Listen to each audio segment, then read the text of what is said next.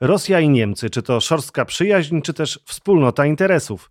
By to zrozumieć, trzeba jak reflektorem oświetlić, co o Rosji mówią i myślą politycy poszczególnych partii. Tych głównych, u władzy, czyli chrześcijańskiej demokracji oraz socjaldemokracji, tych cieszących się coraz większym poparciem wśród Niemców, czyli proekologicznych zielonych, i wreszcie outsiderów, czyli alternatywy dla Niemiec oraz lewicy i liberałów. Jak przebiega linia pro i antyrosyjskich sentymentów, związków z grupami przemysłowymi chcącymi robić interesy z Rosją i z reguły przeciwnikami jakichkolwiek sankcji nakładanych na Moskwę przez świat zachodni. O Rosję w polityce niemieckiej pytamy w czasie szczególnym. 2021 to rok kończący erę kanclerz Angeli Merkel, chyba najpotężniejszego polityka krajów Unii Europejskiej do tej pory. To rok nowego prezydenta Ameryki i jego stosunek do Rosji nie pozostanie bez wpływu na Niemcy. I wreszcie historia. Ta z lat 70., historia dwóch krajów niemieckich pokazująca symbolicznie świat socjalistyczny zależny od Kremla i ten wolny, zachodni. Ostpolitik teraz i w historii. Niemiecka polityka wschodnia. Podcast Fundacji imienia Friedricha Eberta i Nowej Europy Wschodniej. Niemcy a Rosja. Ta relacja jest także ważna dla Unii Europejskiej. Czy niemiecka polityka manewrowania z nieprzewidywalną Rosją może się zmienić? W jaki sposób decyduje o tym, co zrobi Unia Europejska w sytuacjach kryzysowych? A w ostatnim półroczu nie brakowało wydarzeń, które staną się pilnymi problemami do rozwiązania. Rozpoczęła się nowa era buntu opozycji na Białorusi, wielka gra na Kaukazie z wojną Armenii i Azerbejdżanu na pierwszym planie oraz próba otrucia rosyjskiego opozycjonisty Aleksieja Nawalnego. Za chwilę poznamy opinie i analizy. Susan Stewart, szefowej działu badań nad Europą Wschodnią i Eurazją w niemieckim Instytucie Stosunków Międzynarodowych i Bezpieczeństwa w Berlinie, Wilfrida Ilge, historyka Europy Wschodniej, analityka w Centrum Roberta Boscha do spraw Europy Środkowej i Wschodniej, Rosji i Azji Środkowej w Niemieckiej Radzie Polityki Zagranicznej, a także Olgi Doleśniak-Harczuk, dziennikarki specjalizującej się w problemach Niemiec, piszącej dla Nowego Państwa i analityka Instytutu Staszica.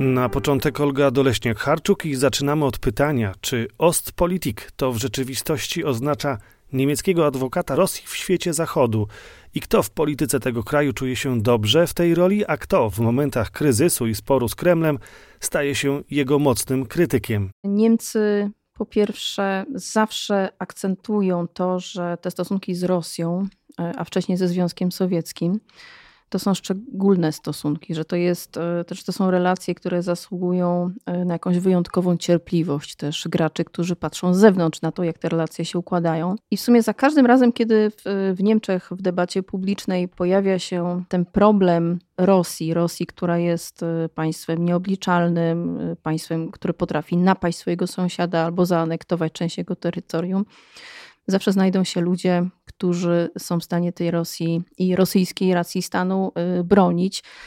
Y, mówimy tutaj o, o, o typie, który nazywa się w Niemczech Russland Versteher, czyli taki człowiek, który nie tyle y, Rosję rozumie, co potrafi ją wytłumaczyć z każdego najbardziej mm, bezczelnego działania. I ta grupa osób, które w takim właśnie sensie potrafią Rosję zrozumieć, y, jest w Niemczech dosyć, y, dosyć spora. To są ludzie, którzy piszą książki, y, piszą artykuły prasowe i tłumaczą tę Rosję w taki sposób dosyć wyidealizowany, powiedzmy coś ala narracja Gerharda Schrödera. Więc z jednej strony nie brakuje w Niemczech adwokatów Rosji.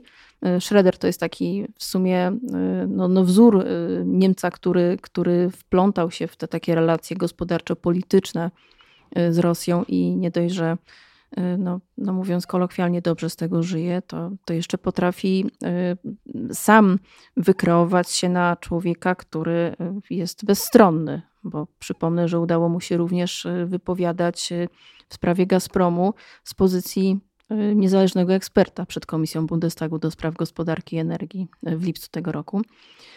Y, więc No, Gerhard Schröder go jest taki też za to krytyka. Y, Część Owszem, to jest ta druga strona, o której chcę No, powiedzieć. że to jest farsa, że to było, Bo to była kino farsa. czy teatr. To, to było kino i ja już, to, ja już to kiedyś powtarzałam, że y, szef tej komisji, który wywodzi się z postkomunistycznej linkę, powiedział, że w sumie jeżeli już byli kanclerze Niemiec pojawiają się przed komisją w Bundestagu, to jest to zazwyczaj komisja śledcza, która bada jakieś nieprawidłowości z przeszłości. Tej Gerhard Schröder się tak, tak uśmiechnął w swoim stylu. Ale y, właśnie jest też ta druga strona w niemieckiej debacie politycznej, która uważa, że pewne działania Niemiec, które y, w sumie usprawiedliwiają takie niedobre działania Rosji na, na arenie międzynarodowej, a tych działań jest sporo. To są ludzie, którzy potrafią spojrzeć szerzej i dalej, ale oni są jednak w mniejszości, mam wrażenie. Jak tak patrzy się na, na to, jak, jak wyglądają niemieckie media, jak rozkładają się te siły, to jednak tych, tych osób, które Rosję za wszelką cenę pragną zrozumieć i ją wytłumaczyć, y, jest więcej. Do rozmowy z Olgą Doleśniak-Harczuk wracamy za chwilę. Czy spojrzenie na wschód, na Kreml może się zmienić, może stać się bardziej krytyczne? I jak Rosję widzą niemieckie media i opinia publiczna? To analiza Susan Stewart z Niemieckiego Instytutu Stosunków Międzynarodowych i Bezpieczeństwa w Berlinie. I would say that over time, I mean, both over kind of the past, let's say, a decade, but also over, say, the past year, even, the approach to Russia has become more critical. I think that's Uważam, że w ciągu ostatniej dekady, ale nawet i w minionym roku, podejście do Rosji stało się bardziej krytyczne. Dotyczy to także mediów, choć muszę przyznać, że główne media już od jakiegoś czasu są krytyczne wobec Moskwy. Oznacza to, że sytuacje w Rosji czy informacje dotyczące Rosji media przedstawiają w dość realistyczny sposób. Równocześnie istnieje pewna sprzeczność w sferze politycznej. Szczególnie od 2014 roku obserwujemy znacznie bardziej krytyczne podejście. Słychać głosy domagające się sankcji. Wynika to z narastającego rozczarowania lub też otrzeźwienia niemieckich środowisk politycznych, albo przynajmniej dużej ich części. They have gone through a sort of evolution. I think it's still happening, but away from this kind of uh, older generation with this emphasis on Ostpolitik. Na przykład socjaldemokraci przeszli i nadal przechodzą swego rodzaju ewolucję, odchodząc od Ostpolitik, polityki wschodniej propagowanej przez starsze pokolenie i podejścia przyjętego w czasach Williego Brandta, w pewnym stopniu kontynuowanego przez Franka Waltera Steinmeiera. Od próby zbliżenia rapprochement, która nie zadziałała, poprzez rosnącą, nawet w szeregach tej partii, świadomość, że to podejście raczej się już nie sprawdza, do narastającego rozczarowania i krytyki. Także inne partie, w tym Zieloni i Chadecy, od jakiegoś czasu gotowi są do zmiany podejścia. I think it's very, very difficult for many people the German political realm to give up on the idea of cooperation with Russia or uh, of Russia as a partner. Równocześnie wielu ludziom należącym do niemieckiego establishmentu politycznego bardzo trudno jest zrezygnować z myśli o współpracy z Rosją, a nawet z postrzegania Rosji jako partnera.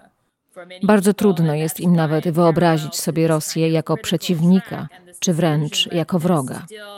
Dlatego równolegle z tą krytyką i rozczarowaniem nadal regularnie powraca nadzieja, że jednak musimy współpracować, wciąż próbować.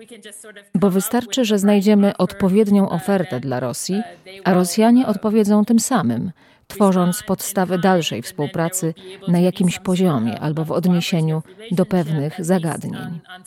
Z tego myślenia wynika potrzeba trzymania się projektu Nord Stream 2.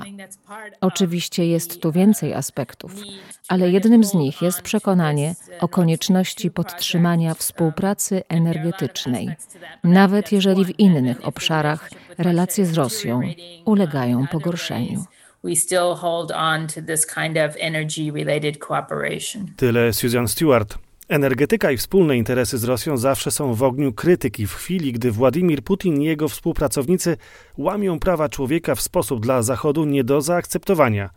Aleksiej Nawalny i próba jego otrucia, transport z rosyjskiej Syberii i leczenie w Berlinie to było mocne wyzwanie dla polityków niemieckich. Olga Doleśniak-Harczuk mówi, jak wyglądały ich pierwsze reakcje na te dramatyczne wydarzenia. Najpierw panowała taka niepewność, ponieważ ta jego obecność w Niemczech, ona była interpretowana z początku jako taka wizyta prywatna. Bardzo szybciutko okazało się, że to nie jest wizyta prywatna, ponieważ jeżeli ktoś otrzymuje ochronę od niemieckiego rządu, ochronę taką, jaką y, na co dzień y, ma kanclerz Angela Merkel na przykład, czy prezydent y, Frank-Walter Steinmeier, no to to nie jest zwykły obywatel rosyjski, który przyjechał z pomocą przyjaciół, wyczarterował samolot i nagle jest pacjentem berlińskiej Charité, tylko to jest człowiek, który no jednak jest postrzegany jako, jako taki gość specjalny i faktycznie Nawalny był gościem specjalnym Angeli Merkel. To się szybko wyjaśniło. Dzisiaj, jak tak y, patrzymy na kwestię Nawalnego, te emocje opadły, bo jeszcze na początku y, bardzo dużo było takich głosów, zwłaszcza z tych skrzydeł konserwatywnych, y, między innymi Norbert Rüdgen, bardzo mocno wypowiadał się w sprawie Rosji w tamtym czasie, kiedy właśnie ta sprawa Nawalnego była, była na topie. Zresztą Norbert Rüdgen również dosyć mocno y, skrytykował budowę, dokończenie budowy Nord Stream 2. Więc jest to taki polityk y, chadecki, konserwatywny, który w pojęciu osób, które właśnie zajmują się krytyką Kremla na co dzień, stanął wtedy na wysokości zadania, bo nie okazał się takim koniunkturalnym kulturalistą, jak większość jego kolegów, którzy na przykład uważają, że ta Rosja wcale nie jest taka zła i kwestia y, otrucia y, Nawalnego to jest y, sprawa jakichś jego, jego porachunków z ludźmi, na przykład w przypadku których ujawnił jakieś działania korupcyjne. Ale co mamy teraz? Teraz się okazuje, że była publikacja Szpigla niedawno. Szpigel hamburski tygodnik, bardzo prestiżowy, opiniotwórczy. I Szpigel napisał, no, że za Nawalnym to już od dłuższego czasu chodziło jakieś takie killer komando, on to tak nazywa, osiem osób, że próbowano go już wielokrotnie no, no, na pewno zastraszyć, jak nie zabić. Bardzo ciekawy komentarz pojawił się w mediach społecznościowych. Gregor Gysi, który jest takim flagowym do dzisiaj jednak politykiem e, postkomunistów. Gregor Gysi, który e, sam w aktach Stasi figurował jako notariusz, do dzisiaj się tego wypiera, zresztą nie tylko on, pewnej współpracy z systemem komunistycznym. Gregor Gizi pisze, że w sumie to nie wiadomo, czy, czy, czy Rosja tutaj miała cokolwiek wspólnego z próbą otrucia Nawalnego, że on nie broni absolutnie rosyjskich służb, ale Gdyby to były rosyjskie służby, to raczej za przeproszeniem nie byłaby to taka fuszerka. W takim duchu napisał swój komentarz na jednym z portali społecznościowych. Co ciekawe, tak z punktu widzenia Polski, tam się pojawia taka teza, że Rosja powinna otrzymać narzędzia i możliwość, żeby poprowadzić śledztwo, żeby to śledztwo było rzetelne, a Zachód jakoś tak uniemożliwiał, daremnia to, to to śledztwo przeprowadzone w sposób y, adekwatny do potrzeb przez stronę rosyjską i powołuje się na przykład y, Polski i na przykład księdza Popiełuszki, którego sprawcy zostali osądzeni, zdaniem Gregora Giziego. I mówi, że no przecież jeżeli w Polsce przed transformacją ustrojową było to możliwe, no to dlaczego nie w Rosji dzisiaj? Tego typu argumentacja pada. To jest dość zaskakująca argumentacja. Tak, ja też byłam zdziwiona, jak to czytałam. Dość y, jestem zdziwiony, że to mogło się pojawić w, w takim kontekście, no bo to jest już e, rzeczywiście naciąganie historii do właśnie dla jakich celów. Nie chciałbym, żebyśmy tutaj to teraz mm, rozpatrywali. Natomiast e, to, co pani mówi, jest niezwykle interesujące z punktu widzenia opisu tej sceny politycznej, partyjnej, bo mówi pani o politykach, o których się tak często nie mówi, jak o tych bardzo prorosyjskich. E, za wzór prorosyjskości Sewr, to można powiedzieć, stawia się alternatywę dla Niemiec. Ich prorosyjskość, ich wizyty na Kremlu, ich właściwie mówienie o Rosji jako tym kraju, który trzeba wciągać w strefę wpływów gospodarczych, w ten sposób będziemy demokratyzować ten kraj. To jest, z tego znana jest AfD, ale tutaj widzimy, że to spektrum tych rozumiejących, tłumaczących Rosję jest szersze niż tylko ta partia. Tak, zdecydowanie. Co do AfD, y, pan wspomniał o tych wizytach y, na Kremlu. Niedawno przecież Tino Krupala i Armin Paul Hempel, to są politycy AfD, y, na zaproszenie Dumy pojechali do Moskwy, spotkali się nawet z, z panem Ławrowym, szefem rosyjskiej dyplomacji i nawet strona rosyjska krytykowała, że w Niemczech wywołała ta wizyta jakąś histerię niepotrzebną. Więc AfD faktycznie potrafi pojechać do Moskwy, zachwycić się Moskwą, później na jakichś blogach pokazują się zdjęcia polityków AfD, którzy no, w absolutnie no, jakiejś świetnej komitywie są właśnie ze stroną rosyjską. AfD jest partią też, która złożyła przecież całkiem niedawno w niemieckim Bundestagu taki wniosek, apel do niemieckiego rządu o to, żeby przyspieszyć budowę Nord Stream 2, żeby jak najszybciej zakończyć tę budowę. I pamiętam, że była debata dotycząca tego wniosku, która zbiegła się z debatą przy okazji złożenia wniosku przez Partię Zielonych, która z kolei chciała udaremnić y, budowę Nord Stream 2, więc y, fascynująca rozmowa. Y, Ale też posłami. wiele mówiąca właśnie, jak się podchodzi do Rosji w Niemczech. Tak, tak. Znaczy AfD akurat tutaj to jest ciekawe, jeżeli chodzi o kwestie właśnie energetyczne i o tych powiązań energetycznych z Rosją, mówi jednym głosem z SPD, z CDU, z FDP w sumie, bo FDP to jest partia, która siedzi tak powiedzmy okrakiem na barykadzie, zawsze się zastanawia, w którą stronę jest lepiej skręcić, ale ostatecznie wybiera ten interes jednak niemiecki. A interes niemiecki jest się kojarzony z tym, żeby na przykład budowa Nord Stream 2 została ukończona, tylko powiedzmy w momencie, kiedy trzeba głosować nad pewnymi propozycjami składanymi oficjalnie Y, przez AfD okazuje się, że mm, te ich inicjatywy, mimo że są zbieżne z interesem innych partii, one nie uzyskują poparcia. No tak, Czyli no to jest ta te wnioski są, AfD To jest izolacja, to jest ten ostracyzm, z którym spotyka się alternatywa dla Niemiec y, w Bundestagu, absolutnie zrozumiałe. Natomiast y, mnie trochę zawsze dziwi, kiedy później gdzieś tam czytam w polskich mediach, że wniosek nie został poparty dotyczący budowy Nord Stream 2 i to oznacza, że Niemcy na przykład się wycofują. No to najpierw trzeba sprawdzić, kto ten wniosek złożył, i jak wygląda sytuacja danego spektrum politycznego na scenie wewnętrznej Niemiec. To wtedy możemy dyskutować, czy Niemcy jako Niemcy gremialnie coś odrzucili, czy odrzucili po prostu pewne środowisko polityczne, które jest uważane za no, quasi-trendowate. Z Olgą Doleśniak-Harczuk rozmawiamy tuż przed wyborem nowego szefa CDU, a został nim Armin Laschet, dotychczas premier nadrenni północnej Westfalii. Miał trzech rywali. Warto wspomnieć więc o tym, jak oni postrzegają relacje z Rosją, a także o krytycznym stosunku do poczynań Kremla ustępującej przewodniczącej Hadecji Anne Kramp-Karrenbauer. Nord Stream 2 to jest taki stały element rozmów na temat relacji e, niemiecko-rosyjskich. Ja bym chciał, byśmy jednak spróbowali e, zagłębić się trochę w historię, a jednocześnie mówić o teraźniejszości, dlatego że tak jak zasugerowałem, mamy przełomowy moment w Niemczech polityczny. Myślę, że CDU, wybór następcy Angeli Merkel, kto nim zostanie, kto zostanie tą osobą, to wiele nam powie o tym, w jakim kierunku CDU będzie zmierzało, jeżeli chodzi o stosunek do Rosji. To znaczy tak, ta kwestia kanclerza, Niemcy mówią na to e, die Kanzlerfrage, kwestia kanclerska i sprawa nowego szefa CDU, ona jest bardzo wyraźnie jakoś tak rozgraniczana. Przynajmniej e, w Niemczech teraz eksperci, komentatorzy polityczni asekurują się, że osoba, która przejmie po Annegret Kramp-Karrenbauer e, przewodnictwo CDU, wcale nie musi być namaszczona na przyszłego kandydata na kanclerza. O tym decyduje prezydium CDU-CSU. No tak, Trudno bo, wyczuć. Bo, bo wyobrażam sobie też, że oni sami nie istnieją z siebie w świecie polityki to są jeszcze związki z przecież przemysłem e, szeroko No to Friedrich Merz ma związki z przemysłem I tutaj do Friedricha Merca tak. uderzam, prawda, do jego postaci.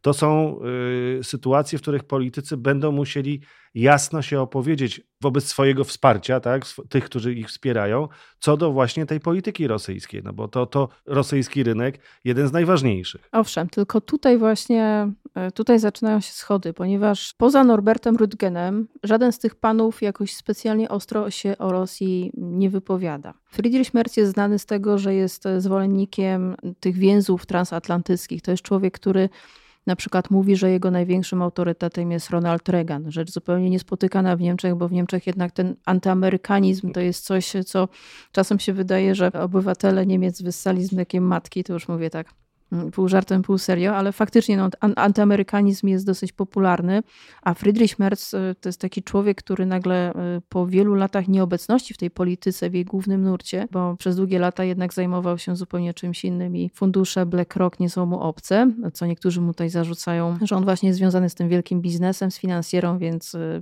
wietrzy się tutaj pewien podstęp w tej kandydaturze. No, no ale są do też, Ameryki też wiele mówi o stosunku do, Ameryki, do Rosji, prawda? Bo to, to znaczy, jest też bardzo Owszem, ciekawe. ale z drugiej strony jest to czym Pan wspomniał, że on jest jednak y, zdany na swoje zaplecze, którego wspiera, a to zaplecze to jest głównie niemiecki Mittelstand i duże firmy, duże koncerny, które liczą na to, że Friedrich Merz podniesie też Niemcy, może nie z zapaści, bo mówienie o tym, że Niemcy są w zapaści po koronakryzysie albo na skutek koronakryzysu jest absolutnym nadużyciem. Niemcy sobie świetnie tutaj radzą w tym kryzysie. Friedrich Merz jest człowiekiem, który może liczyć na wsparcie konserwatywnego skrzydła CDU, Mamy taką organizację, ona się nazywa Werte Union i to jest, y, to jest organizacja, która wewnątrz CDU, która już wcześniej dążyła na przykład do obalenia Annegret Kramp-Karrenbauer, bo w zeszłym roku przecież no, była próba takiego, mówiono, próba puczu, tak nieudana tutaj, że, że ona się obroniła i Friedrich Merz ma za sobą właśnie przedsiębiorców, y, ale również y, to jest ciekawe, młodzież chadecką. Przyszły kanclerz będzie też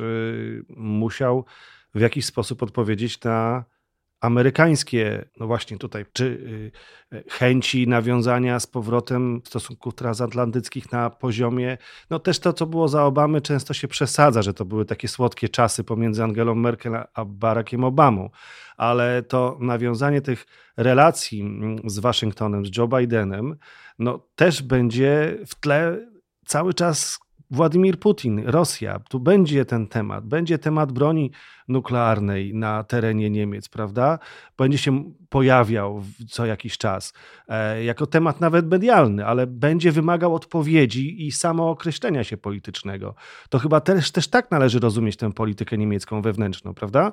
Mm, oczywiście, tylko y, właśnie ja, ja, nie mam, nie mam w, tym, w tym momencie odpowiedzi na to, jak kandydaci podejdą do Rosji ponieważ nauczyliśmy się jednak, że co innego deklaracje, co innego jakieś szczupne no, zapowiedzi polityka, albo prawda? takie oburzania się od czasu do czasu na to, co Rosja robi, że Rosja łamie prawa człowieka, albo właśnie tak jak w przypadku mm, Nawalnego, że dokonuje y, zamachu na jego życie, bo, bo z drugiej strony jest właśnie ta wielka gospodarka i są dane mówiące o tym, że na przykład sankcje nałożone na Rosję, one jednak y, no, przyczyniły się do, do spadku wymiany handlowej między Rosją a Niemcami że te sankcje należałoby y, znieść i tutaj przedsiębiorcy bardzo od lat, y, wielu, wielu lat y, naciskają na, na polityków, żeby ktoś w końcu usłyszał ten głos i zniósł te sankcje. A z drugiej strony jest jakaś taka rola Niemiec jako tego państwa, które jednak no, musi się zaangażować w to hamowanie zapędów rosyjskich na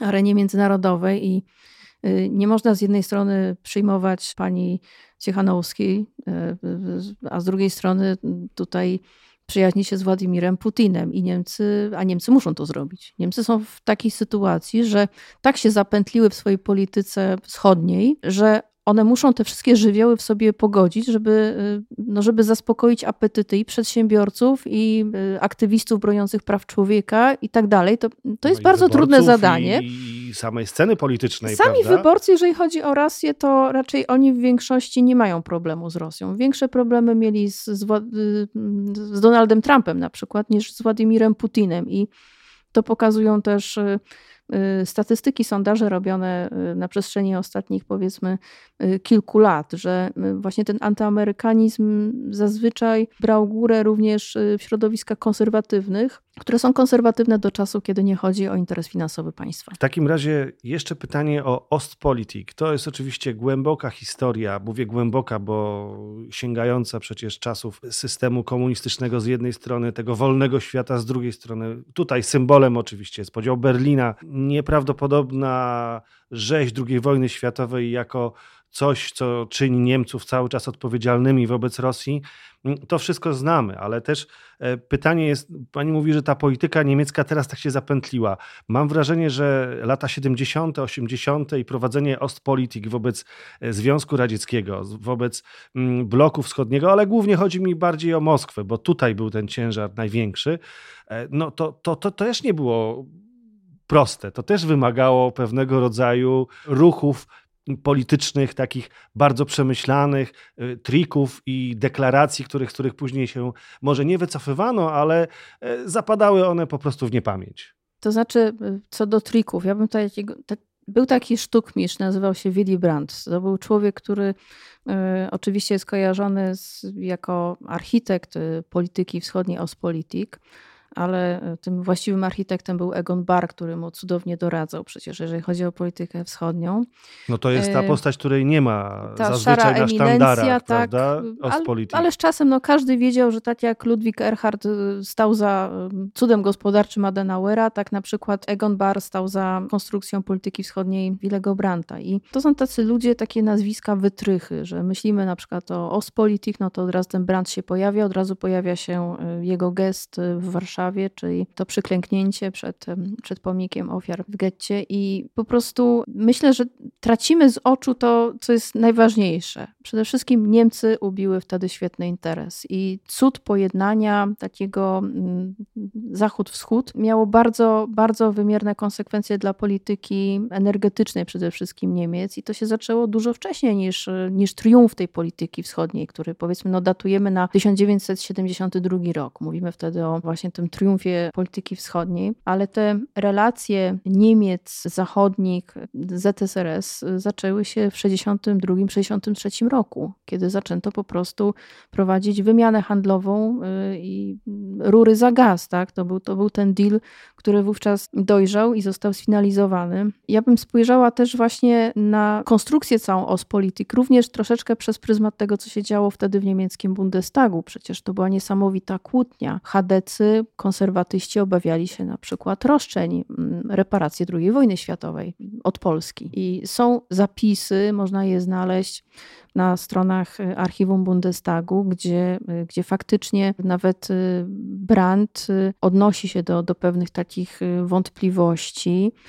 Mówi się o tych właśnie możliwych żądaniach reparacyjnych od strony polskiej, a potem pada takie stwierdzenie: No to dobrze, panowie, to jeżeli wy w ogóle tutaj mówicie o takiej możliwości, to tylko sugerujecie przeciwnej stronie, że można coś od nas wyrwać, więc to są tego typu rozmowy. Mam wrażenie, że to jakoś tam zostaje gdzieś, gdzieś w cieniu. My się skupiamy na, na ładnych gestach. A za tymi gestami były po prostu albo pieniądze, albo też no, no, taki powiedzmy też lęk tej strony niemieckiej przed tym, że to mm, takie no, powiedzmy pojednanie e, ze wschodem, ono będzie miało również wymiar negatywny dla Niemiec. Nie, nie miało, jak się okazało, ale były takie obawy ta polityka wschodnia jeszcze na koniec. Y, teraz, a kiedyś Ostpolitik y, no, istnieje, prawda? Mm, Angela Merkel słynęła z tych telefonów do Władimira Putina i była tym, o czym pani już mówiła, no, była, mm, to Niemcy były od tego, by powstrzymywać e, zapędy polityczne i agresywne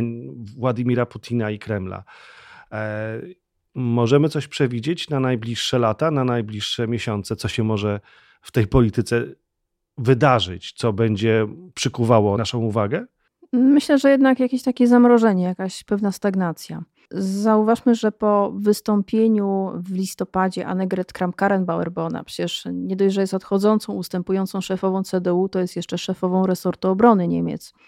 I ona miała takie wystąpienie w Bundestagu, gdzie mówiła, że do Rosji trzeba podchodzić z siłą, z takim z takiej pozycji jednak państwa, które, e, które jest silne i to się w Rosji bardzo nie spodobało. Zaczęto ją krytykować, że ona jest niekompetentna i w ogóle na niczym się nie zna. E, typowa, typowa metoda też na takie poniżanie polityka zachodniego.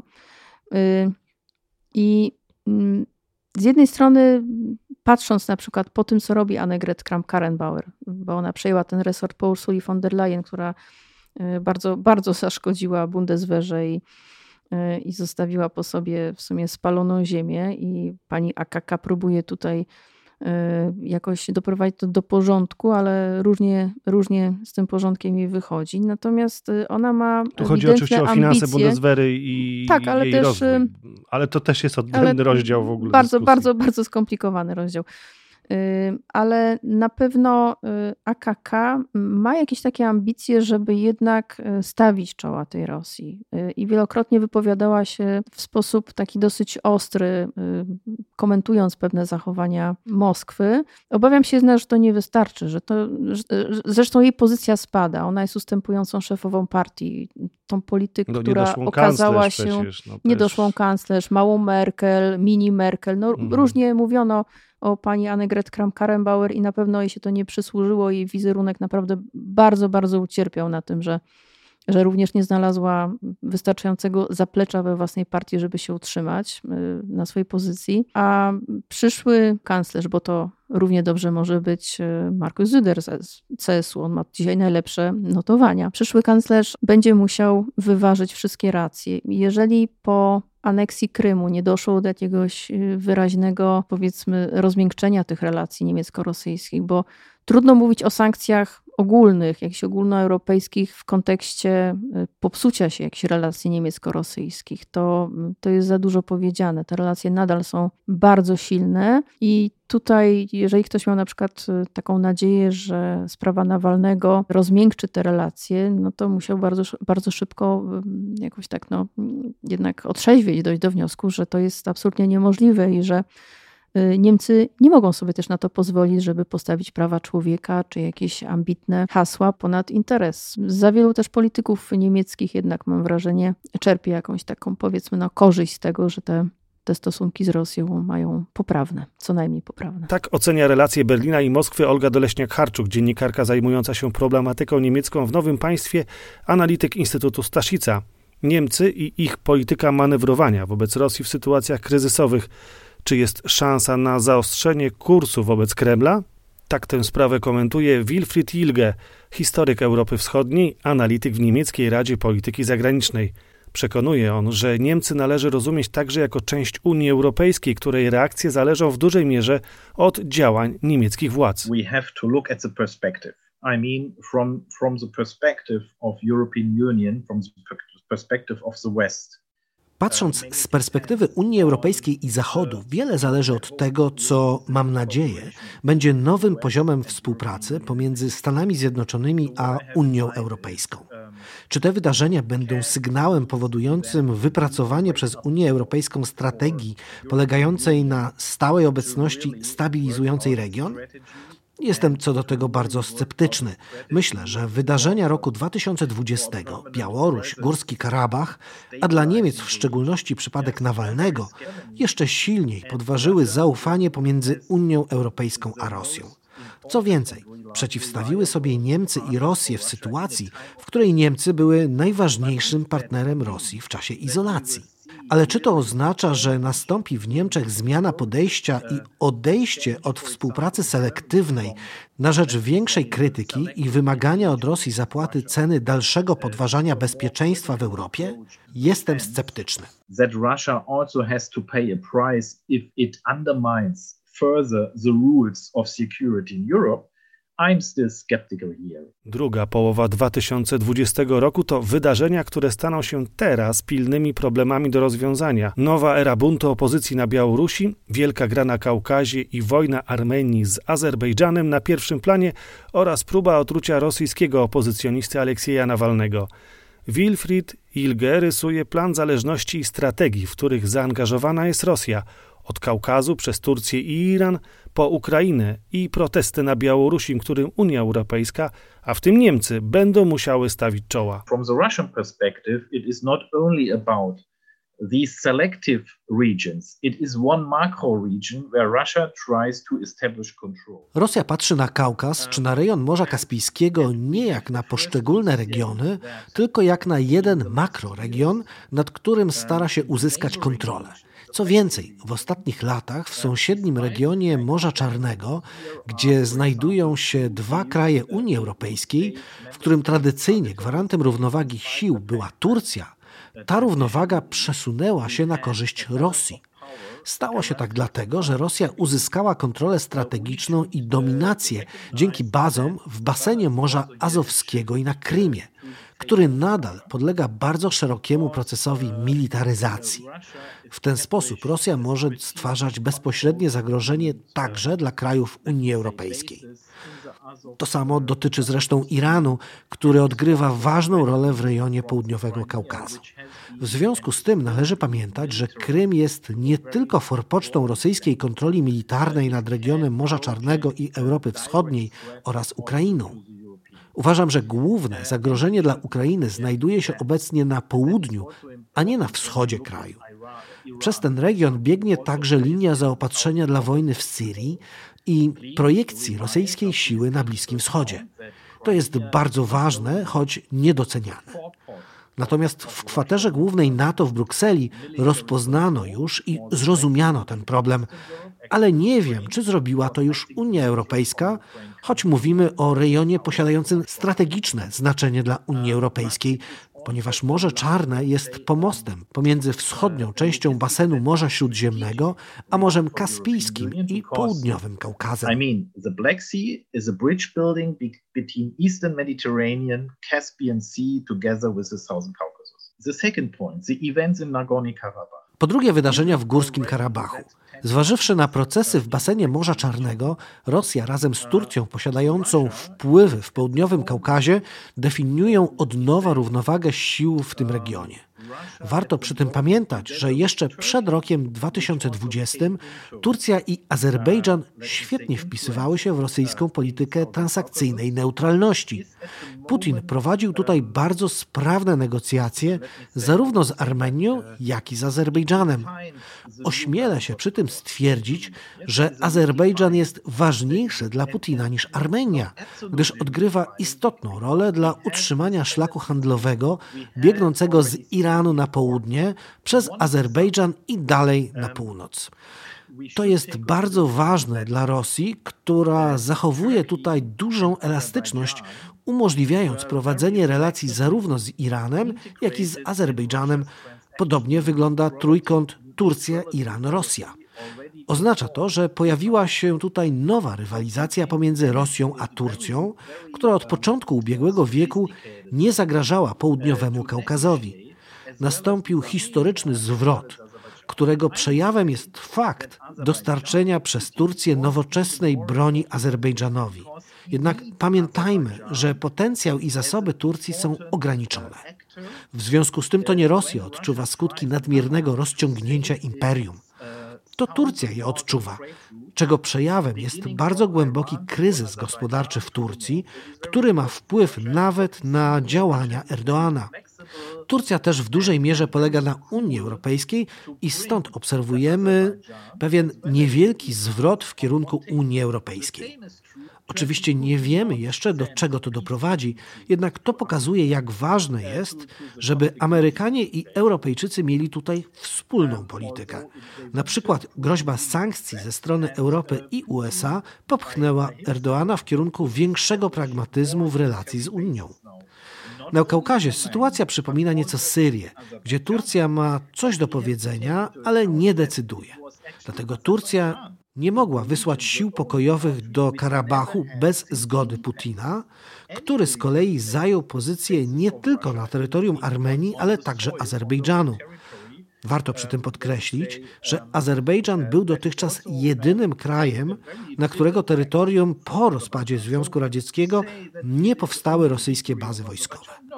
Fakt znalezienia się teraz rosyjskich żołnierzy na terytorium ich kraju nadaje zwycięstwu Azerów gorzkiego smaku. To znaczy, że Rosja uzyskała więcej kart w rozgrywce i prowadzi politykę neutralnej transakcyjności, pozwalającą równoważyć wpływy kluczowych państw regionu, rugując stamtąd Stany Zjednoczone i Unię Europejską. To jest dla Putina najważniejsze. To fully crowd out the US and the European Union. That is the most important. Spójrzmy na ropociągi tak ważne dla Azerbejdżanu. Zbudowano je ze wsparciem firm amerykańskich. W latach 90. i 2000 Amerykanie mieli ogromne wpływy w regionie. Ale jak to wygląda teraz? Wielu ludzi mówi, że Putin słabnie, że Rosja słabnie i ma poważne problemy gospodarcze z powodu braku modernizacji. No jasne, to wszystko do pewnego stopnia jest prawdą. Ale jeżeli przeprowadzimy dokładną analizę wpływów, to okaże się, że Rosja wzmocniła swoją pozycję w regionie. Turcy weszli do gry, ale mają znacznie mniejsze możliwości niż Rosjanie, a z naszej perspektywy najważniejszym problemem jest kompletna utrata znaczenia Unii Europejskiej. Spójrzmy, jak negocjowano pokój w Karabachu. Francji nie było, Amerykanie zajęci sprawami wewnętrznymi nie byli zainteresowani, a Putin prowadził w tej sytuacji bardzo spokojną rozgrywkę. Dodam jeszcze, że Turcja będzie mogła zyskać dostęp do regionu Morza Kaspijskiego, jeżeli wykorzysta w tym celu azerską enklawę Nachiczewań na terenie armeńskim. Jednak człowiekiem, który decyduje o możliwości wykorzystania tej trasy jest oczywiście Putin. To powtórka z Syrii. Turcja może uczestniczyć w grze, ale to Putin określa zasady. But the most say and and and who permits what to do in the end is is Putin most of all. Spójrzmy też na Gruzję, którą uważam za kraj o znaczeniu kluczowym. Ona ma kluczowe znaczenie dla Unii Europejskiej i USA. Jeden z amerykańskich ekspertów nazwał ją kanałem lądowym pomiędzy Morzem Czarnym a Kaspijskim, łączącym Europę z Azją. Nie należy z tym przesadzać, ale jeżeli mówimy o niezależnych, pokojowych szlakach dla europejskiego handlu, to jest to prawda. Gruzja ma jednak także problemy spowodowane brakiem obecności Unii Europejskiej i Stanów Zjednoczonych w regionie. W rezultacie nie są realizowane wielkie projekty łączenia infrastruktury, które mogłyby poprawić pozycję Gruzji, a Unia Europejska straciła w ten sposób szansę na zyskanie większych wpływów w regionie. Skutkiem jest postępująca okupacja regionu przez Rosję, która wykorzystuje w tym celu rozmaite środki, obejmujące także metody militarne i z wykorzystaniem szarych stref prawa międzynarodowego w regionie Morza Czarnego. Ukraina i Gruzja są zainteresowane rozwojem współpracy wojskowej z Turcją, ponieważ nie widzą innego sposobu zapewnienia sobie bezpieczeństwa. Bardzo niebezpieczne jest to, że dwa najważniejsze kraje Partnerstwa Wschodniego znalazły się między młotem a kowadłem. Co mają robić? Obawiają się, że jeżeli Unia Europejska nie zacznie odgrywać istotniejszej roli w regionie, będą zmuszone wybrać między dwiema bardzo problematycznymi alternatywami. To samo dotyczy Azerbejdżanu. Oczywiście Turcja nie będzie wspierać Ukrainy, ale Pamiętajmy, że Turcja prowadzi bardzo sprytną politykę, nie uznając aneksji Krymu, a równocześnie osłabiając Kijów, budując Turk Stream, omijający Ukrainę. Jeżeli więc chodzi o ważne interesy egzystencjalne słabszych krajów regionu, będących partnerami Unii Europejskiej, Turcja nie podejmie żadnych działań sprzecznych z interesami Putina. Turkey will not join any um, action which really tries to contain Putin. O relacjach Rosji i Niemiec mówili Wilfried Jilge, historyk Europy Wschodniej, analityk w Centrum Roberta Boscha do spraw Europy Środkowej i Wschodniej, Rosji i Azji Środkowej w Niemieckiej Radzie Polityki Zagranicznej, Olga Doleśniak-Harczuk, dziennikarka specjalizująca się w problemach Niemiec, pisząca dla Nowego Państwa i analityk Instytutu Staszica oraz Susan Stewart, szefowa działu badań nad Europą Wschodnią i Eurazją w Niemieckim Instytucie Stosunków Międzynarodowych i Bezpieczeństwa w Berlinie. Podcast zrealizowany przez Free Range Productions.